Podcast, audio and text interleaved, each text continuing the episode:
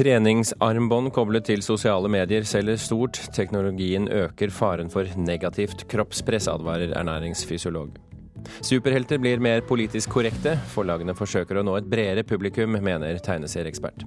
Og fotballklisjeene må begraves, mener fotballblogger.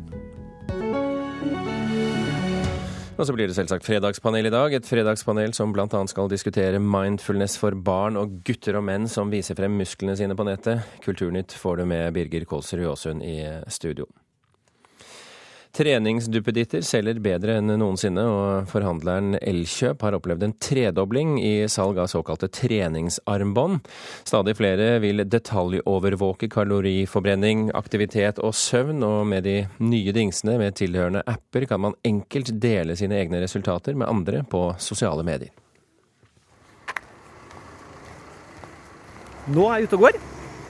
Nå, er jeg ute, nå tenkte jeg skulle gå litt retning Vålerenga. Trond Gjellum er 42 år, lærer, teknologientusiast, og nå også hekta på å gå tur. Men det er ikke bare du som er ute og går, du har med deg en liten dingse? Ja da, jeg har Fitbiten, vet du. Som jo er, eh, sitter der og registrerer hvert eneste skritt. For i mars i år kjøpte Gjellum seg en Fitbit, som er en bitte liten dings man fester på kroppen og har på seg hele døgnet. Dermed kan man overvåke aktivitet, kaloriforbrenning, matinntak og søvn, logge det hele på en smarttelefon eller datamaskin, og dele det på sosiale medier. Jeg tror nok det har blitt litt sånn uh, trend. sånn trendobjekt. Det tror jeg nok det har blitt. For Gjellum er ikke den eneste som har blitt hekta på slike treningsarmbånd. Eh, det vi har sett nå, er at det har blitt en stadig større etterspørsel eh, egentlig måned for måned utover hele vårparten og sommeren. Så fra mars og fram til i dag så har vi faktisk en tredobling i salget av eh, aktivitetsarmbånd. Det sier Morten Mikkelsen, salgssjef i Elkjøp. Han forteller at folk i alle slags former og fasonger har fått dilla på helseduppeditter. Alt fra treningsfantasten som skal ha inngående informasjon og optimalisere treninga si, til eh, folk i gata som bare vil vite litt mer om eget aktivitetsnivå, og kanskje gjøre litt justeringer ut ifra det. Mikkelsen tror dette bare er starten på en enda større trend, og at dingser som overvåker helsa di, bare vil bli mer og mer integrert i hverdagen. Vi ser også at en del av de store leverandørene nå har ansatt folk fra motebransjen inn eh, for å være med å designe sånne, sånne produkter. Så det kanskje blir enda penere i design framover, og at det blir en helt naturlig del av eh, det man har på seg etter hvert. Jeg ser både positive og negative sider ved det. Det sier Therese Fostervold Mathisen. Jeg er ernæringsfysiolog og doktorgradsstipendiat ved Norges idrettshøgskole. Hun mener det er svært positivt at folk blir mer opptatt av egen helse, da de fleste av oss beveger oss altfor lite men at det også kan være problematisk at man døgnet rundt skal detaljstyre og loggføre kaloriforbruk ved hjelp av ny teknologi, og dele det med andre på sosiale medier. Eh, hvis det skulle vise seg at dette blir enda større del av, eh, av bloggingen og nettverkene, eh, hvor man fremlegger resultater fra dette, så er det klart at det vil skape enda mer press for de som, som er i disse miljøene, og som, som frontes for, disse, for denne informasjonen. Det er med å spesielt påvirke disse som jeg jobber med, som har spiseforstyrrelser, problematisk atferd kropp og trening. Um, og de andre det skaper problemer for, det er alle de som ikke har tiltak til å sette i gang selv, som daglig blir minna om hvor dårlig de er, som ikke klarer å komme i gang, og hvor plagsomme naboen er eller kompisen er som hele tiden er så sprek og får til alt.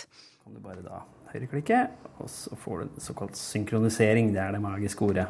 Hjemme i leiligheten sin på Ensjø sitter Trond Gjellum foran PC-en og logger siste døgns aktivitet. For ham har det vært svært motiverende å ha et konkret aktivitetsmål å nå hver dag. Han konkurrerer kun med seg sjøl, men tror at treningslogging kan bli en skrytegreie hvis man kobler det opp mot f.eks. Facebook. Jeg tror det kan bli litt sånn ha-ha, se på meg, 18 000 skritt i dag. Hvem er du, din late slabbedask, liksom? Som, altså, ja, jeg tror det. det og det, det er jo det perfekte verktøy for det. Reporter her, det var Åsta Hoem Hagen. Om det er eh, USA-suksessen til duoen Nico Vince som inspirerer, vites ikke, men sangeren og popartisten Samsaya satser nå på et gjennombrudd i USA.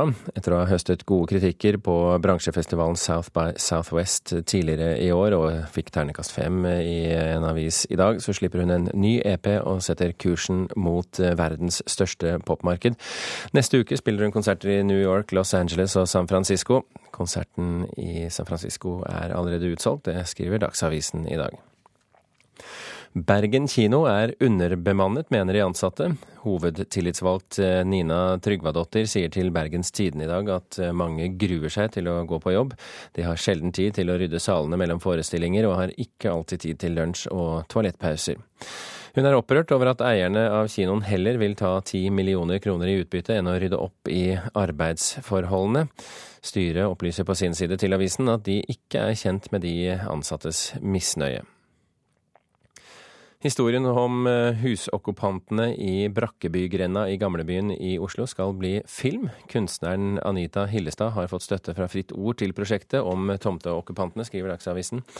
Hun eh, startet med filmen om Brakkebygrenda to uker før okkupantene fikk utkastelsesbrevet fra Oslo kommune tidligere i sommer. 4.6 aksjonerte politiet mot tomten, og alle beboerne ble fjernet.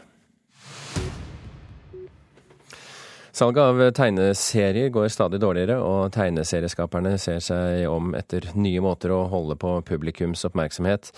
Den siste tiden har det dukket opp flere store endringer i serieuniverset i USA, og den norske forfatteren bak tegneserien Urban Legend utelukker ikke at han må finne på noe tilsvarende dramatisk. Her, i denne utgaven her, så handler det f.eks. at uh, fetteren hans er død.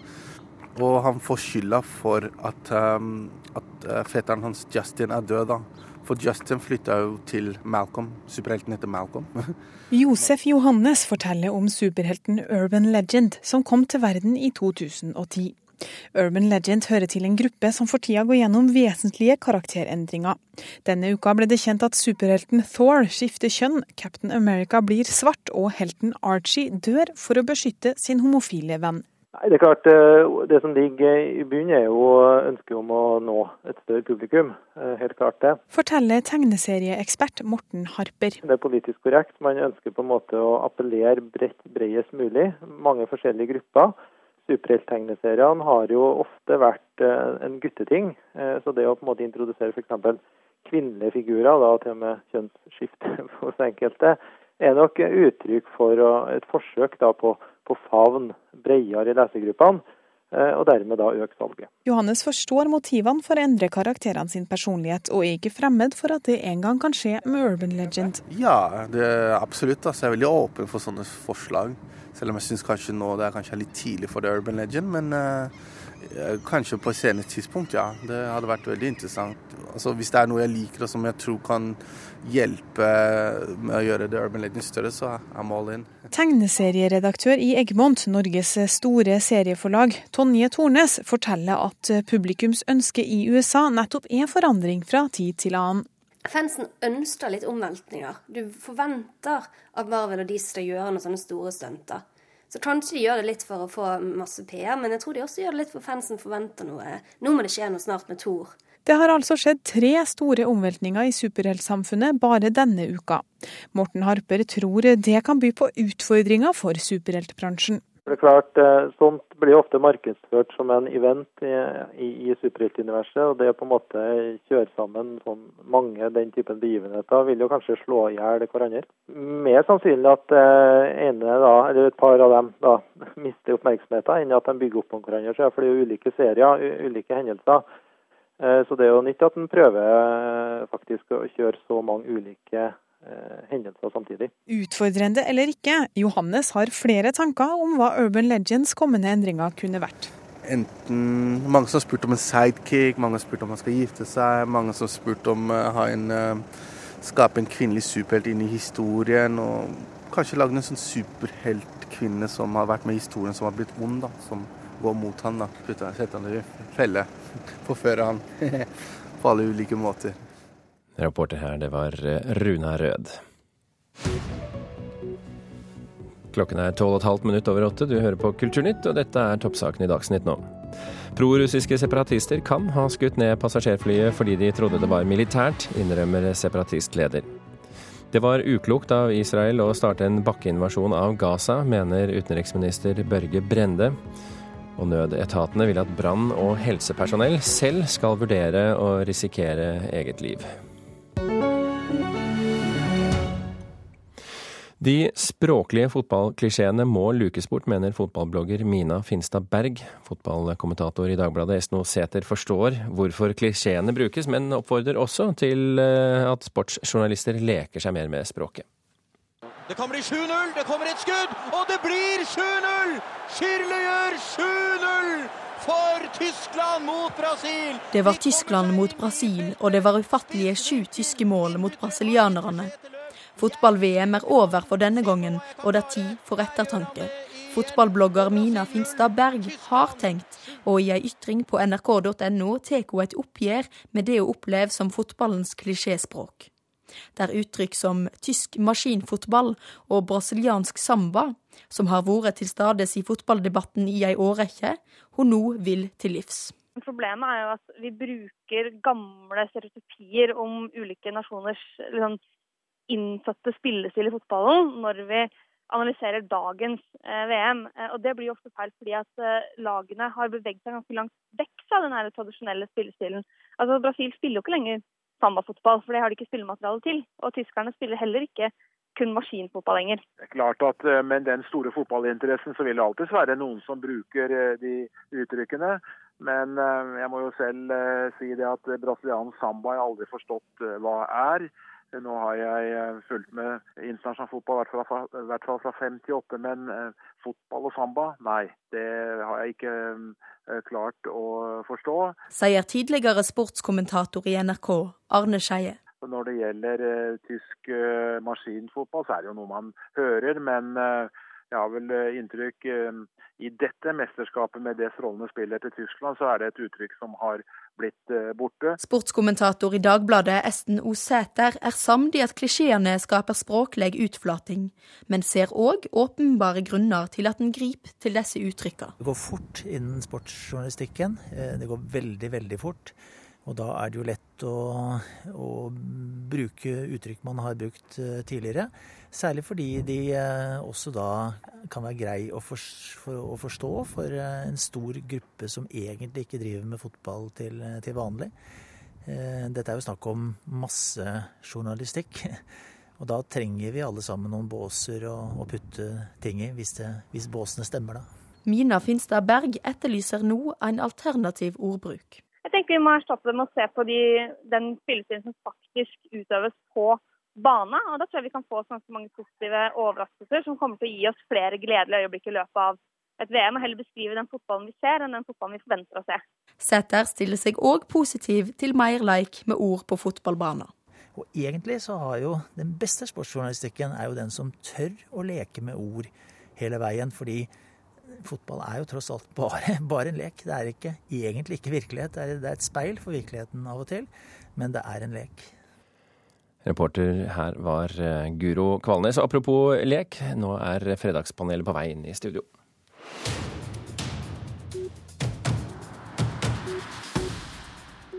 Og når jeg sier på vei, så er det faktisk i dette tilfellet riktig, for Vidar Kvalshaug er nå på vei inn i studio. Jeg kan se han forbi vinduet mitt med turistsekken pakket og greier. I studio allerede har vi Audun Molde fra og med nå omtrent, fra Westerdals eh, høgskole. Vi har med Nina Kristiansen fra forskning.no, og ned i stolen, litt rødmusset i ansiktet, Vidar Kvalshaug eh, fra eget forlag. Eh, takk for at dere er fredagspanel i dag. Skal vi gå løs på første, første, spørsmål? Barn helt ned til femårsalderen læres opp til å være mer til stede i eget liv gjennom det som da kalles mindfulness. Psykologer er skeptiske og mener barn må få være seg selv. Og samtidig så selges det stadig flere bøker om mindfulness for barn. Spørsmålet er forlagenes satsing på selvhjelpsbøker for barn bra eller dårlig? Dårlig. Dårlig. Bra. Ah, fint. En uenighet. Vi begynner med bra. Ja, altså Mindfulness er litt sånn vagt for meg, men, det, så, men eh, det, handler om å liksom lære empati og bli kjent med seg sjøl og være i tida. Det kan jo ikke være dårlig. Nei, vi har jo sett mange av disse bølgene. Gro Nylander skulle lære oss barnehelse, og Jesper Juel skulle lære oss voksne å være til stede for barn. Og jeg tenker at nå må vi la disse stakkars barna få lov til å være litt i fred. Nå må de få lov til å slippe mer, mer pedagogisk eh, hva skal jeg si, foreldrekontroll på det viset der. Er du enig, Audun? Ja, jeg er helt enig. Dette er jo å slå inn åpne dører fra forlagsbransjen. fordi at barn er jo allerede mindfulle fra fødselen av. Så det er ikke noe galt med å være mindfull, men hvorfor skal man lære det? Jeg tror dette er på en måte voksenproblemer, sånne tidsklemmeproblemer som man forsøker å overføre på barn. Men uh, forlegger Arneberg uh, satt jo her i studio for en dag eller to siden og sa at dette handler jo nettopp ikke om kontroll. Det er det helt motsatte av kontroll, Kvalsheim. Ja, hva skal vi da med en bok om det som er det motsatte av kontroll? Altså at barn leker og er fri og funderer, tenker, eh, stikker av litt, finner på ting. Altså, det, la oss eh, lene oss litt tilbake, vi voksne nå. Nina Kristiansen, nå må du forsvare forlagsbransjen for uh, forlagsmannen her. Nei, altså Poenget her er jo at da, foreldre bruker alltid bøker, det har vi gjort bestandig, ikke sant, til å lære litt om barn. Og så er det noen gærninger som blir bokstavtro og som eh, liksom lager eh, kulter av eh, enhver bevegelse som kommer. Så er det sånn at hvis du forserer barns utvikling, altså pusher dem til å gjøre ting de ikke er modne for Men dette her handler jo om å slappe av, konsentrere seg og sånne ting. Jeg er ikke inne i de greiene der, men jeg kan ikke skjønne på hvilken måte det skulle skade noen, og så stikke fingeren i jorda og kjenne hvor du er hen. Det er helt enig, men det som, er, som jeg er kritisk til, er å sette merkelapp på dette her og markedsføre det som en vare. For det er så banalt, det er så allmennmenneskelig. Dette er jo ting som vi alle gjør, som alle barn gjør helt fra fødselen av. Og Forleggeren sa også i studio at dette er en østlig visdomstradisjon osv. Og, så og jeg kjenner til buddhistisk anapanasati. Men eh, det er jo også en, eh, sikkert en maya-indianer og kristen buddhisttradisjon, og alle foreldre gjør dette her intuitivt. Så det er noe med å brande det her og selge det som jeg er veldig skeptisk til. De utgis bøker om vedkapping og matlaging og ja, alt mulig. Så hvorfor ikke mindfulness? Altså, det utgis bøker om Gud hjelpe meg, alt mulig. Men det er jo en eh, sannhet sannhet, eh, vedtatt sannhet, Kvalshaug, at um, vi utsetter jo barna våre for en storm av inntrykk hele tiden. Både fra TV og skjer andre skjermer og aktiviteter osv.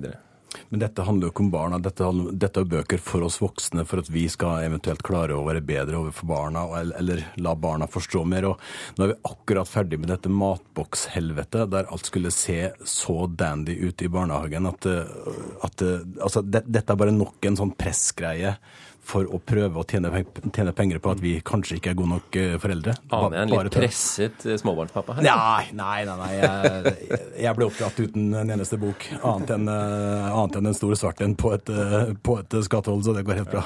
Jeg etterlyser en selvhjelpsbok, og det er den som handler om hvordan jeg kan bli selvhjulpet uten å måtte bli et offer for selvhjelpsbokindustrien.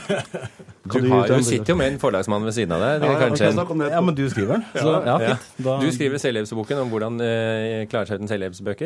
Og jeg prøver å være i tida uten å lese bøker. Ja, og, du, og du kan da utgjøre forskning på dette i ettertid og publisere det på forskning.no. Det er jo gjort forskning, faktisk, og den er jo positiv til mindfulness, faktisk. altså. Mm.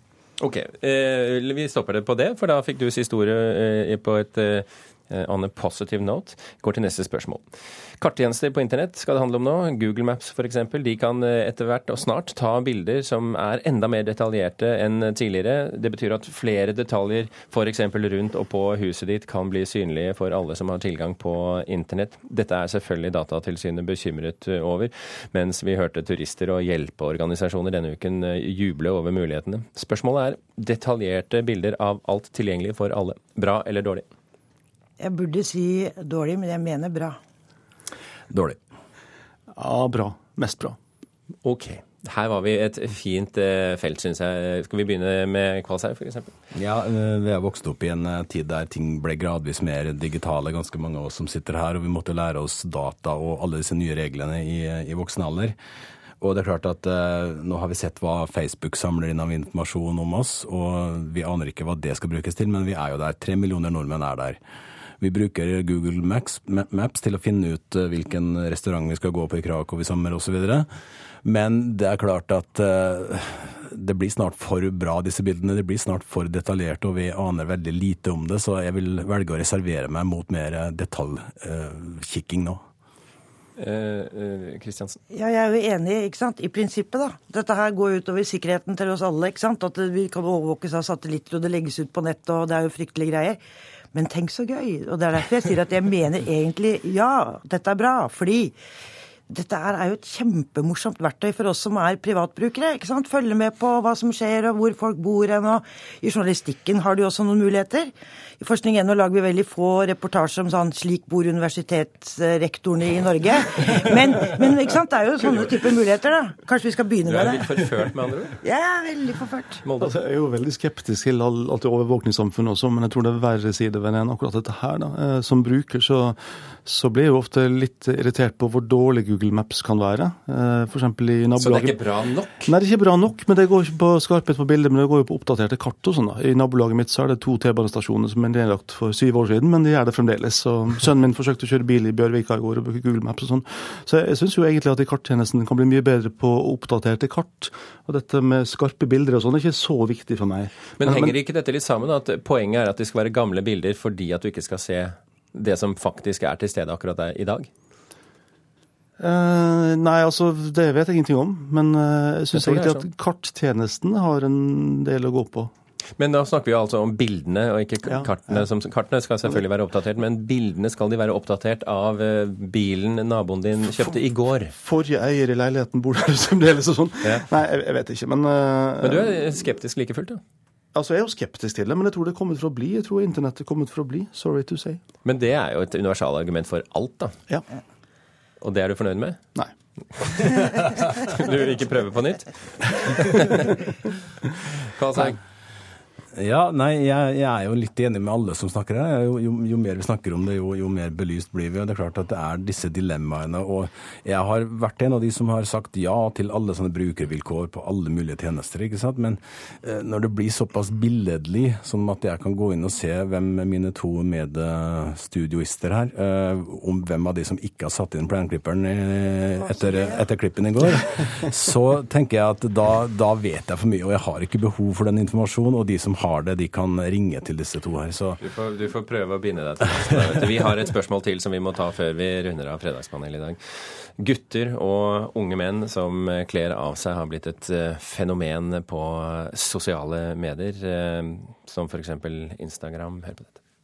Når man går på stranda og man får lange blikk og gode tilbakemeldinger, det er det som er moro. Er det viktig for deg å være deilig? I den grad andre syns det, så er det hyggelig, det selvfølgelig. Jeg kan ikke komme utenom det. Selvfølgelig er det viktig og deilig, men en toppidrettsprofessor sa denne uken at kroppspresset på unge menn nå er like stort som på unge kvinner. Og en kjønnsforsker påpekte at kroppspresset eh, nå er mer rettferdig fordelt. Og eh, spørsmålet vårt er det at kroppspresset er mer likelig fordelt takket være sosiale medier, bra eller dårlig? Bra. Dårlig. Dårlig. Ah, dette er et perfekt panel i dag. Alle er litt uenige. Molde at kjønnsforskeren mener at dette gir bedre kjønnslikhet. Det er som å si at uh, Han sa ikke at det gikk bedre. Han nei, det at det gir mer. Ja, det er som å påpeke at ok, nå sitter like mange kvinner som menn i fengsel, eller like mange kvinner som menn er narkomane osv. Altså, det er mer likhet, men av noe som jeg skulle ønske at vi hadde mindre av. Eh, det er ille nok at jenter har dette usunne kroppspresset. At gutter får det i tillegg, eh, gjør ikke saken noe bedre. Men eh, det kan jo hende at konsekvensen av det er at når også gutter oppdager problemet med dette, her, at det kan bli en større front for å, å lage motreaksjoner. Så faktisk bra med andre Bra konsekvenser kan det bli. ja, og det er akkurat det som er argumentet mitt for at dette er bra. nemlig at det vil alltid være en viss pott med kroppspress her i verden, og det har det vært, og den er økende. Jeg tenker Denne, stort sett, eh, denne børa har jenter stort sett båret for oss, og nå, nå, kan vi godt ta vår del av det. fordi når det begynner å angå menn, dette her, så kan det hende at det, kan, det er dobbelt så stor sjanse for at det skjer noe med det da, når det, når det er to kjønn i, i stedet for ett kjønn. Ja, jeg veit ikke om det blir mindre kroppspress på kvinner selv om eh, det blir kroppspress altså Det er ikke sånn at man liksom overgir noen kilo kroppspress til eh, det mannlige kjønnet, men, men Altså, Jeg er litt sånn usikker på når egentlig før var, hvor det var bra. For jeg tenker at det alltid har vært kroppspress eller, eller sånn tvang, eller opplevd tvang da, for ungdom å skulle se ut som et eller annet ideal. ikke sant? Og så har kanskje det blitt mer uh, av det for menn, men jeg har ikke sett så veldig mange systematiske studier som viser at kroppspresset er veldig mye verre nå for menn enn det var før. Altså Også på 50-tallet prøvde folk å se tynne ut, 60-tallet, 70-tallet osv. Så videre, sånn at det, jeg veit ikke om det har vært så veldig mye bedre. Men det som er forskjellen, kanskje, da, er at folk, eller i hvert fall gutter i dag, har bedre tid og mer penger til å dyrke det. Og så er det alltid noen som tar det ut i det ekstreme, sånn som de NRK intervjua. Ja, men det er jo også publiseringen. da. Altså Kroppspress har nok alltid vært der. Eh, se på gresk greske og romerske statuer osv. Men det er jo internett og sosiale medier som gjør at vi skal publisere oss selv. Ja. Det er forskjellen. Jo da, men ikke sant? Så Før så viste vi oss fram på stranda, nå viser vi oss fram på Facebook eller Instagram. Ja, ja, ikke sant? Hvor, altså, Poseringa var jo der før også. Mm. Det er bare det at du poserer liksom i en litt større scene. Altså, Men, jeg er men er du ikke enig i at trykket blir større med sosiale medier? Kanskje, kanskje ikke. Altså, Jeg veit ikke. fordi at du får jo også større variasjon enn det du gjorde før. ikke sant? Du, du ser jo liksom, du, du kan plukke og velge litt grann mer mellom hvilken sånn type ungdom du vil være. da, Mens før var det kanskje litt sånn mer A4. Eh, men altså, jeg syns jo det at kroppspress er og altså Skjønnhetstyranniet, som man kalte det på 90-tallet, altså er en, en, forferdelig ting. Og det, og det, setter ungdom under press. Og det, og det um, gjør at um, noen ender da opp i sykdom av det. Mm. Så Sånn sett så er det en, en uting. Men om det er liksom så veldig mye verre før, det veit jeg faktisk ikke. Nei, det er jo det er jo uh, Dette med kroppspress det har jo alltid gått utover kvinner. Og, og, det er klart, mange har jo også brukt det til å øke sin egen hva skal jeg si, seksuelle verdi og sin egen formeringsverdi. Og det er jo å håpe nå at hvis vi snur det litt på hodet, at sånne ja, røslige karer som Audun og meg også kan få en viss verdi. Eh, på radio, i hvert fall. Ja, på radio, ikke sant. Vi, har, vi, har, vi, vi kommer her med radiokroppene våre og publiserer etterpå. Men vi, vi ser jo det også når, når, dette som da er hashtaggen SK2014, altså sommerkroppen 2014, så kommer det jo masse aparte sommerkropper. Jeg trodde det var et fly, altså SK. ja, det kunne vært. Er ikke det en positiv ting? Nei, men Dette har vel litt med sånn presset for å være perfekt i samfunnet å gjøre i hele tatt. Altså, jeg skal passe på å sette inn gressklipperen min før Google tar bilde, og tenåringene må ha perfekte kropper, og barna må hjelpe med å være mindfulle. Og, og jeg håper at vi kan slappe litt av etter hvert. Uansett, vi er nødt til å slippe til resten av P2. Tusen hjertelig takk, Audun Molde, Nina Kristiansen og Vidar Kvalsøy for at dere var vårt fredagspanel. Hilde Tosterud, Thomas Alvarstein og Birger Kåsrud Aasund takker for følget.